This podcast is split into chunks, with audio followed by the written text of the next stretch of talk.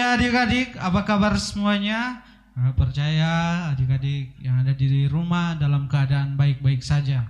Dan saat ini eh, kita akan mulaikan ibadah Villa Kids kita. Eh, Kita angkat pujian.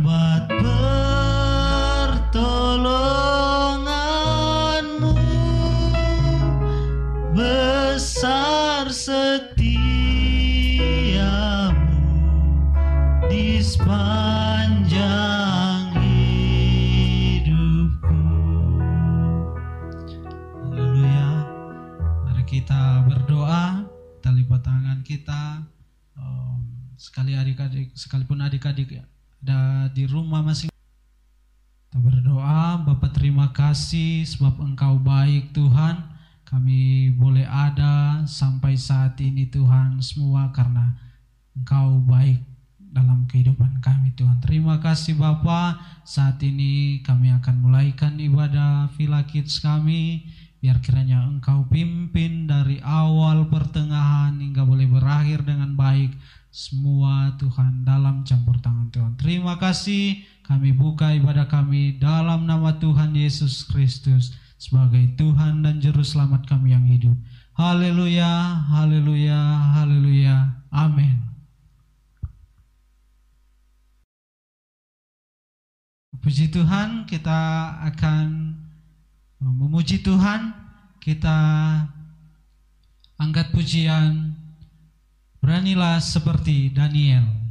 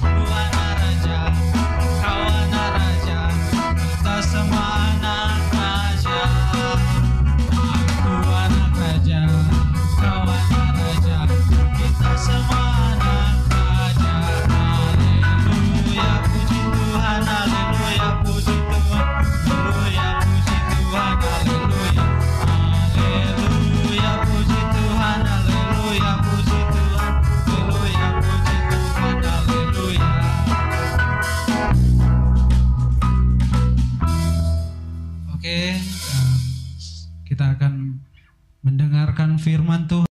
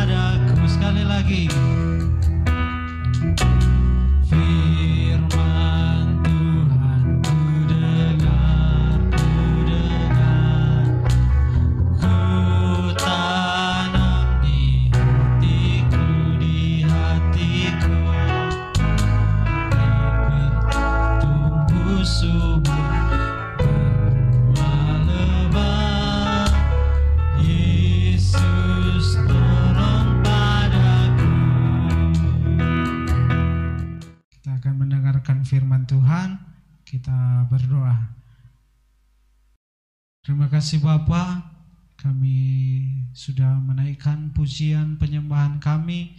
Biar biar kiranya itu boleh naik berbau harum di hadapanmu Tuhan. Dan saat ini kami mau siapkan hati kami telinga kami untuk mendengarkan firman-Mu Tuhan. Eh, biar kiranya hambamu yang akan menyampaikan firman kau rapi hambamu agar dia dapat berkata-kata hanya seturut kehendakmu saja Tuhan. Terima kasih Bapa, kami siap mendengarkan firman-Mu, kami alaskan hanya di dalam nama Tuhan Yesus Kristus sebagai Tuhan dan Juru Selamat kami yang hidup. Haleluya, haleluya, haleluya. Amin.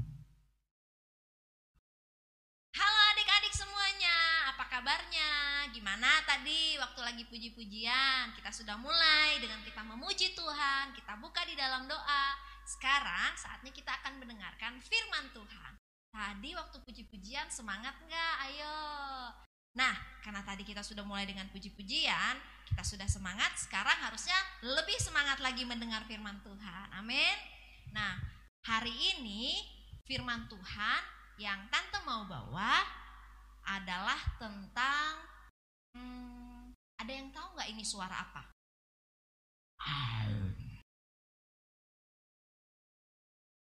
Ada yang tahu nggak itu suara apa ya? Hmm, eh, ada suara yang bilang harimau. Eh, Kira-kira, ya bisa jadi ya harimau. Kucing kali ya? Oh salah. Kalau kucing. Ah ini kakeknya kucing ya. Harimau bapaknya, kakeknya singa. Kalau kalian dengar kata singa, kalian ingat ada seorang tokoh di dalam Alkitab. Nah, kalau kita dengar kata singa, ada seorang tokoh dalam Alkitab. Namanya siapa? Ayo, ada yang bisa tebak? Siapa? Siapa? Iya, betul sekali. Daniel.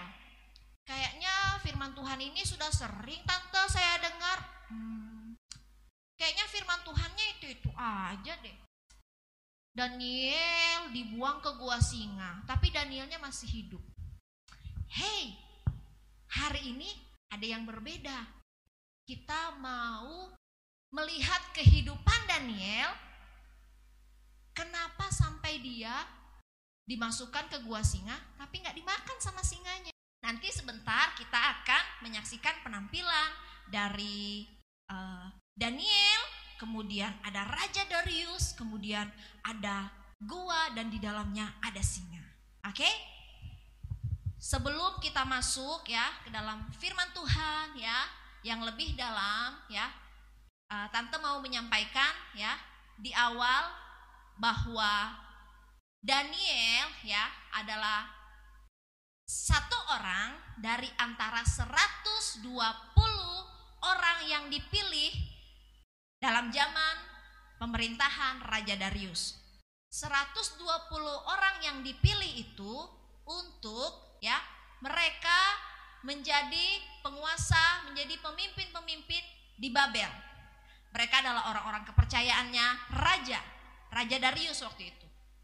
Dan di antara 120 orang dipilih tiga orang disebutkan menjadi pejabat tinggi. Nah, tiga orang ini mereka berada di bawah raja dan mereka ya memimpin dari 120 orang yang lain ini ya. Jadi Daniel itu mereka adalah Daniel dan dua orang lain itu adalah orang yang terpilih ya. Raja itu berencana untuk menjadikan Daniel tangan kanannya. Tahu artinya tangan kanan? Orang kepercayaan. Nah, kalau orang kepercayaan itu artinya dia terpilih, dia dipilih, ya. Tapi rupanya ada teman-temannya yang nggak senang sama dia. Mereka iri, ya. Oke. Firman Tuhan mencatat di sana demikian di dalam Daniel pasalnya yang ke-6 ayat yang tante baca ya. Di dalam ayatnya yang kedua mulai. Lalu berkenanlah Darius mengangkat 120 wakil-wakil raja atas kerajaannya ya. Mereka akan ditempatkan di seluruh kerajaan. Membawahi mereka diangkat pula tiga pejabat tinggi dan Daniel adalah salah satu dari ketiga orang itu. Kepada merekalah para wakil-wakil raja harus memberi pertanggungan jawab supaya raja jangan dirugikan. Ayat 4. Maka Daniel ini melebihi para pejabat tinggi dan para wakil raja itu. Karena ia mempunyai roh yang luar biasa dan raja bermaksud untuk menempatkannya atas seluruh kerajaannya. Ya, karena rupanya ada yang tidak senang, ada yang iri. Oke, satu kali karena mereka tidak senang terhadap Daniel, mereka mencoba mencari kesalahan Daniel. Daniel seorang yang setia, beribadah kepada Tuhan. Dia tidak didapati melakukan kejahatan. Ada raja lagi duduk di tanah.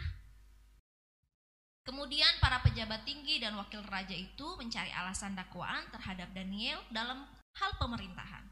Tetapi mereka tidak mendapat alasan apa pun atau sesuatu kesalahan. Sebab ia setia dan tidak ada didapati sesuatu kelalaian atau sesuatu kesalahan padanya. Maka berkatalah orang-orang itu, kita tidak akan mendapat suatu alasan dakwaan terhadap Daniel ini kecuali dalam hal ibadahnya kepada Allahnya. Ada raja di situ. Ada raja.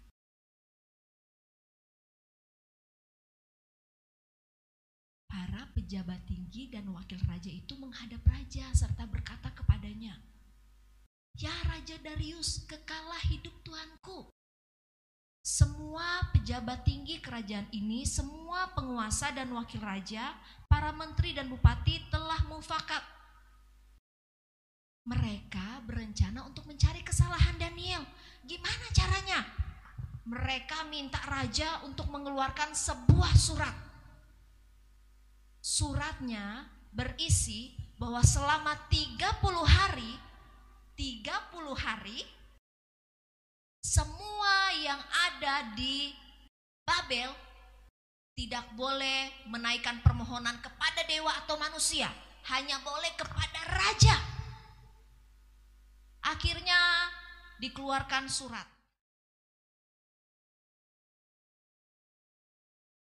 Akhirnya dibujuk raja untuk mengeluarkan surat supaya Daniel dapat disalahkan.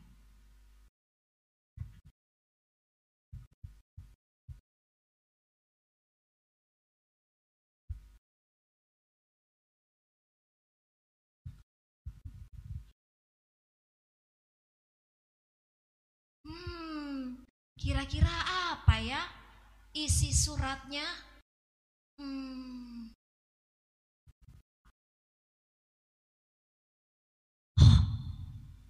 Raja sudah mengeluarkan surat. Kira-kira apa ya isinya? Hmm.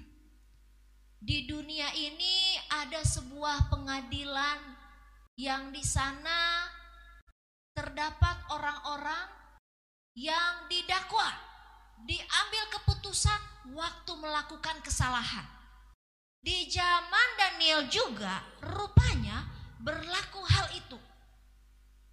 Kalau didapati ada seorang saja dari antara orang-orang yang ada pada masa itu menaikkan permohonan, menyembah kepada dewa, menaikkan permohonan kepada manusia, bukan kepada raja, maka harus dibuang ke dalam gua yang ada singa. Peraturan itu nggak boleh di ganggu gugat. Artinya tidak boleh dilanggar, harus berlaku. Firman Tuhan mencatat Raja Darius mencari cara supaya Daniel tidak dimasukkan ke dalam gua singa. Karena Raja Darius tadi mau mengangkat Daniel menjadi penguasa atas kerajaannya. Kira-kira Daniel lolos gak ya?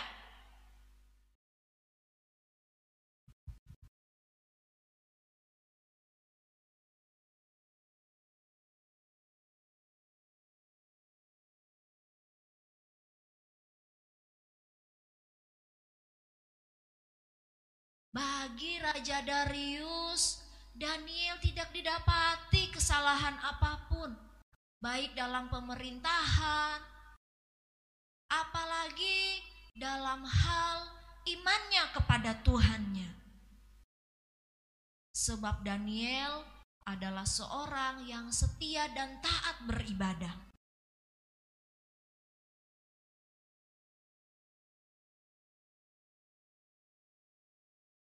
Raja bingung bagaimana caranya.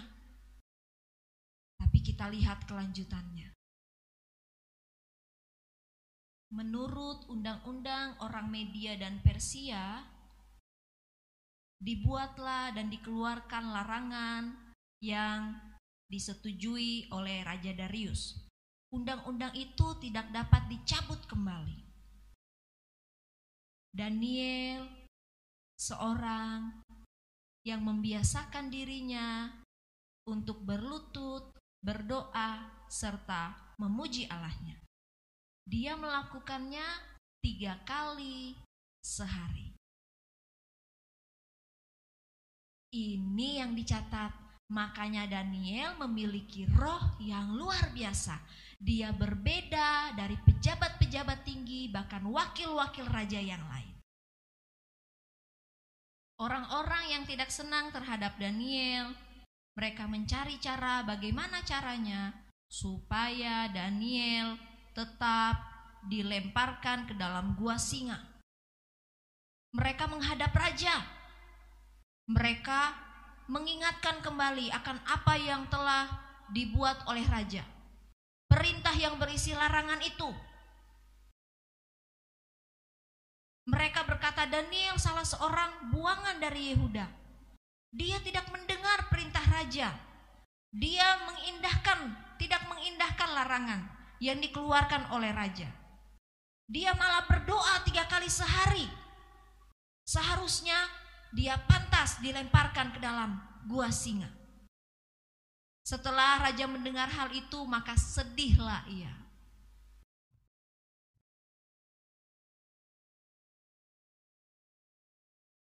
Undang-undang yang sudah dibuat tidak dapat diubah. Oleh sebab itu, Daniel dilemparkan ke dalam gua singa. Berbicara raja kepada Daniel, Allahmu yang kau sembah dengan tekun, dialah kiranya yang melepaskan engkau.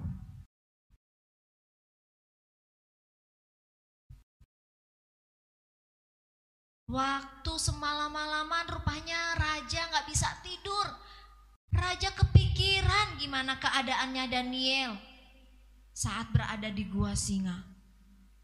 Pagi-pagi sekali ketika fajar menyingsing, raja bangun lalu pergi. Dengan terburu-buru dia ke gua singa. Dia mau cek, dia mau periksa, Daniel masih hidup nggak ya? Lalu Sampai di dekat gua, raja berseru dengan suara sayu. Daniel, hamba Allah yang hidup. Allahmu yang kau sembah dengan tekun telah sanggupkah ia melepaskan engkau dari singa-singa itu? Lalu ada suara yang terdengar dari dalam gua. Rupanya Daniel masih hidup. Daniel menjawab raja, dan ya raja kekalah hidupmu.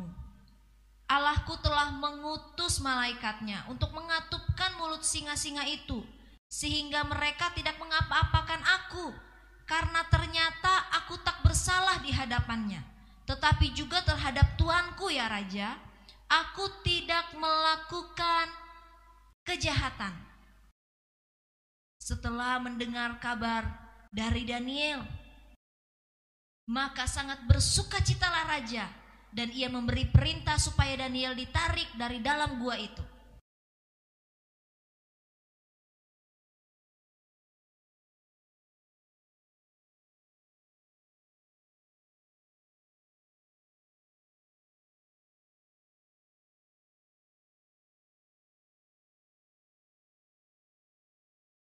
Nah, tadi kita sudah mendengar dan kita sudah melihat kira-kira waktu itu Daniel takut nggak ya?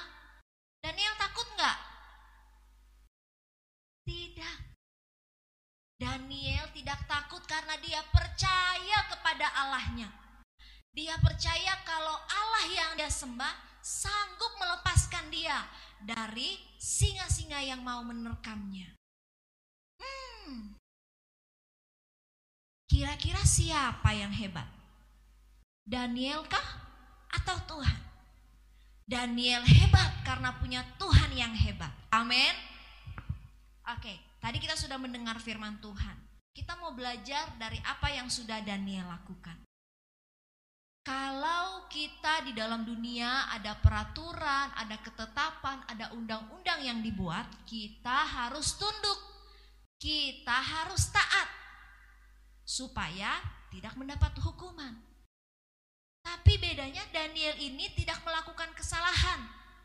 Peraturan yang dibuat hanyalah untuk dibuat, dicari-cari supaya Daniel tidak dipilih oleh raja. Bahkan mereka berencana supaya Daniel mungkin tidak ada lagi. Tetapi rupanya rencana Tuhan atas hidup Daniel jauh lebih besar daripada rencana orang-orang yang tidak senang terhadap Daniel. Kita lihat tadi firman Tuhan juga sudah kita dengar bahwa apa yang dibuat oleh orang-orang Babel, pemimpin-pemimpin, pejabat-pejabat tinggi, wakil-wakil raja tidak dapat dibandingkan dengan kuasa Tuhan. Undang-undang yang tertinggi adalah undang-undang kerajaan Allah. Itu mampu mengalahkan, mampu mematahkan undang-undang yang ada di dunia. Saat kita berlaku benar, saat kita melakukan apa yang benar di hadapan Tuhan sebagai anak Tuhan, percayalah kita akan tampil seperti Daniel-Daniel di akhir zaman. Kita tidak perlu pembelaan dari siapa-siapa. Kita akan mendapat pembelaan dari Tuhan. Amin. Sebab dia adalah hakim yang adil. Dia yang akan membawa kita, dia akan membela kita. Dan kita akan mendapat kemenangan. Amin. Firman Tuhan tadi bilang bahwa waktu Daniel dibuang ke gua singa, singanya itu mulutnya dikatup ditutup sama malaikat. Siapa yang kirim malaikat? Tuhan. Gimana caranya? Tuhan bekerja. Tuhan bekerja melalui doa Daniel. Selama di Babel, dia terus taat kepada Tuhan. Dia suka berdoa. Dikatakan tiga kali sehari. Dia berlutut, dia berdoa, serta dia memuji Allahnya. Itulah yang membuat Tuhan senang terhadap Daniel. Tuhan suka dengan gaya hidup Daniel. Sekalipun Daniel di Babel, Daniel tidak mengikuti cara hidup Babel, cara hidup dunia. Dia tetap melakukan apa yang Tuhan mau. Dia melakukan sesuatu yang menyenangkan hati Tuhan. Kita sebagai anak-anak Tuhan, kita mau belajar untuk kita taat pada apa yang sudah dibuat, ketetapan-ketetapan, aturan-aturan di rumah, di sekolah, di e, negara kita. Tapi jangan lupa, waktu kita sudah lakukan itu, mungkin ada tuduhan-tuduhan yang coba mencari kesalahan kita. Seperti Daniel tadi, saat kita tetap taat, kita tetap memilih untuk kita melakukan yang benar, kita tetap setia kepada Tuhan. firman Tuhan yang akan membela kita. Tuhan sendiri akan menjadi hakim atas kita. Kita belajar yang baik, kita tetap melakukan apa yang baik. Tuhan akan terus ada menyertai kita seperti Daniel. Haleluya. Tuhan Yesus kiranya memberkati anak-anak sekolah minggu Philadelphia Kids. Biarlah kita mau terus hidup berkenan di hadapan Tuhan. Kita mau belajar menjadi seperti Daniel. Daniel menjadi orang yang dipilih menjadi pejabat tinggi dari antara 120 orang menjadi orang penting, tiga orang penting di bawah raja. Karena dia percaya kepada Tuhan. Puji Tuhan, kita mau terus belajar percaya, setia kepada Tuhan, melakukan bagian kita. Dan kita tahu bahwa Tuhan yang akan terus membela kita. Amin. Oke, kesimpulan kalau kita hidup kudus di tengah lingkungan yang jahat, dengan kita tetap rajin mengerjakan tugas-tugas atau PR kita, tugas-tugas sekolah kita, kita datang tepat waktu, kita tidak suka terlambat, kita tidak suka menunda-nunda menyelesaikan tanggung jawab kita, selalu setia beribadah, maka Tuhan sendiri yang nantinya akan menilai kita. Dialah hakim yang adil yang tidak akan mungkin membuat kesalahan dalam segala keputusannya. Manusia bisa saja merekarkakan yang jahat terhadap kita, tetapi Tuhan akan merekarkakannya untuk kebaikan kita dan dia dinyatakan bersalah oleh hukum manusia. Tetapi Tuhan sendiri yang membela Daniel. Kita mau menjadi anak-anak yang selalu dibela oleh Tuhan. Amin.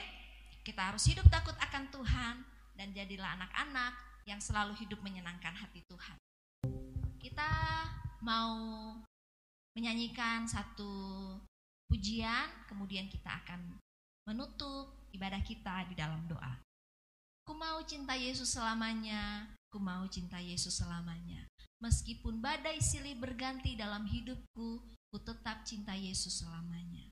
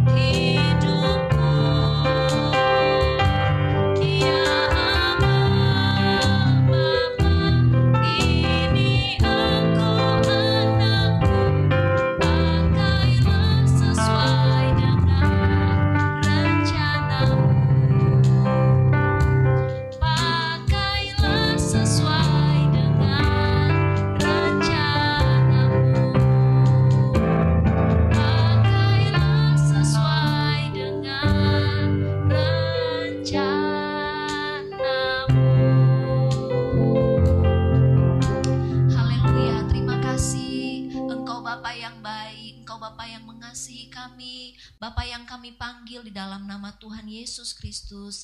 Terima kasih Tuhan, hari ini kembali kami boleh beribadah kepadamu. Kami telah menaikkan pujian kami, menaikkan doa kami, bahkan kami telah mendengarkan firman-Mu. Kiranya Tuhan berkenan dan Tuhan memberkati setiap apa yang kami buat Tuhan Yesus bagi Engkau hari ini. Kami percaya firman-Mu bagian kami. Kami telah mendengar firman Tuhan tentang Daniel, bagaimana hidupnya, bagaimana dia boleh mengalami pembelaan Tuhan dalam hidupnya karena dia terus percaya kepada Tuhan. Dan dia boleh tetap setia akan imannya kepada Tuhan. Ajar kami Tuhan menjadi anak-anak Tuhan seperti Daniel di akhir zaman. Kami tampil sebagai orang-orang, anak-anak yang terus melakukan kebenaran yaitu firman Tuhan. Kami boleh menjadi anak-anak yang boleh terus hidup takut akan Tuhan, hidup kudus, hidup mengandalkan Tuhan seperti Daniel. Kami membiasakan diri kami untuk kami suka berdoa, kami suka memuji Tuhan, kami suka mendengarkan, membaca firman Tuhan, dan kami percaya Tuhan yang adalah hakim yang adil, yang akan terus membela hidup kami. Dalam keadaan apa pun ada selalu cara Tuhan untuk menolong kami. Haleluya. Terima kasih Tuhan, terima kasih. Berkati Tuhan Yesus anak-anak sekolah Minggu Philadelphia Kids Tenggarong dalam aktivitas yang kami lakukan, dalam keseharian kami, berkati orang tua kami, berkati pelayan-pelayan Tuhan, guru-guru sekolah Minggu, berkati Oma Gembala kami, Tuhan Yesus juga memberkati seluruh jemaat Tuhan. Memberkati kota kami, memberkati Tuhan Yesus Indonesia, bahkan seluruh bumi ini kiranya Tuhan tolong, selamatkan Tuhan, dan Tuhan pulihkan keadaan kami. Terima kasih Tuhan, kami telah selesai Tuhan Yesus dengan ibadah kami di hari ini dan kami mengucap syukur, kami percaya berkat Tuhan atas kami. Sukacita, damai sejahtera, pengurapan Tuhan bekerja di dalam setiap kami. Kami memberkati setiap orang-orang yang ada di sekitar kami. Kami memberkati orang-orang Tuhan yang mengasihi kami. Dan kami juga memberkati mereka juga Tuhan Yesus yang mungkin membenci kami Tuhan. Terima kasih Tuhan Yesus. Di dalam nama Tuhan Yesus Kristus kami berdoa dan mengucap syukur. Haleluya. Amin. Tuhan Yesus memberkati. Sampai jumpa minggu depan.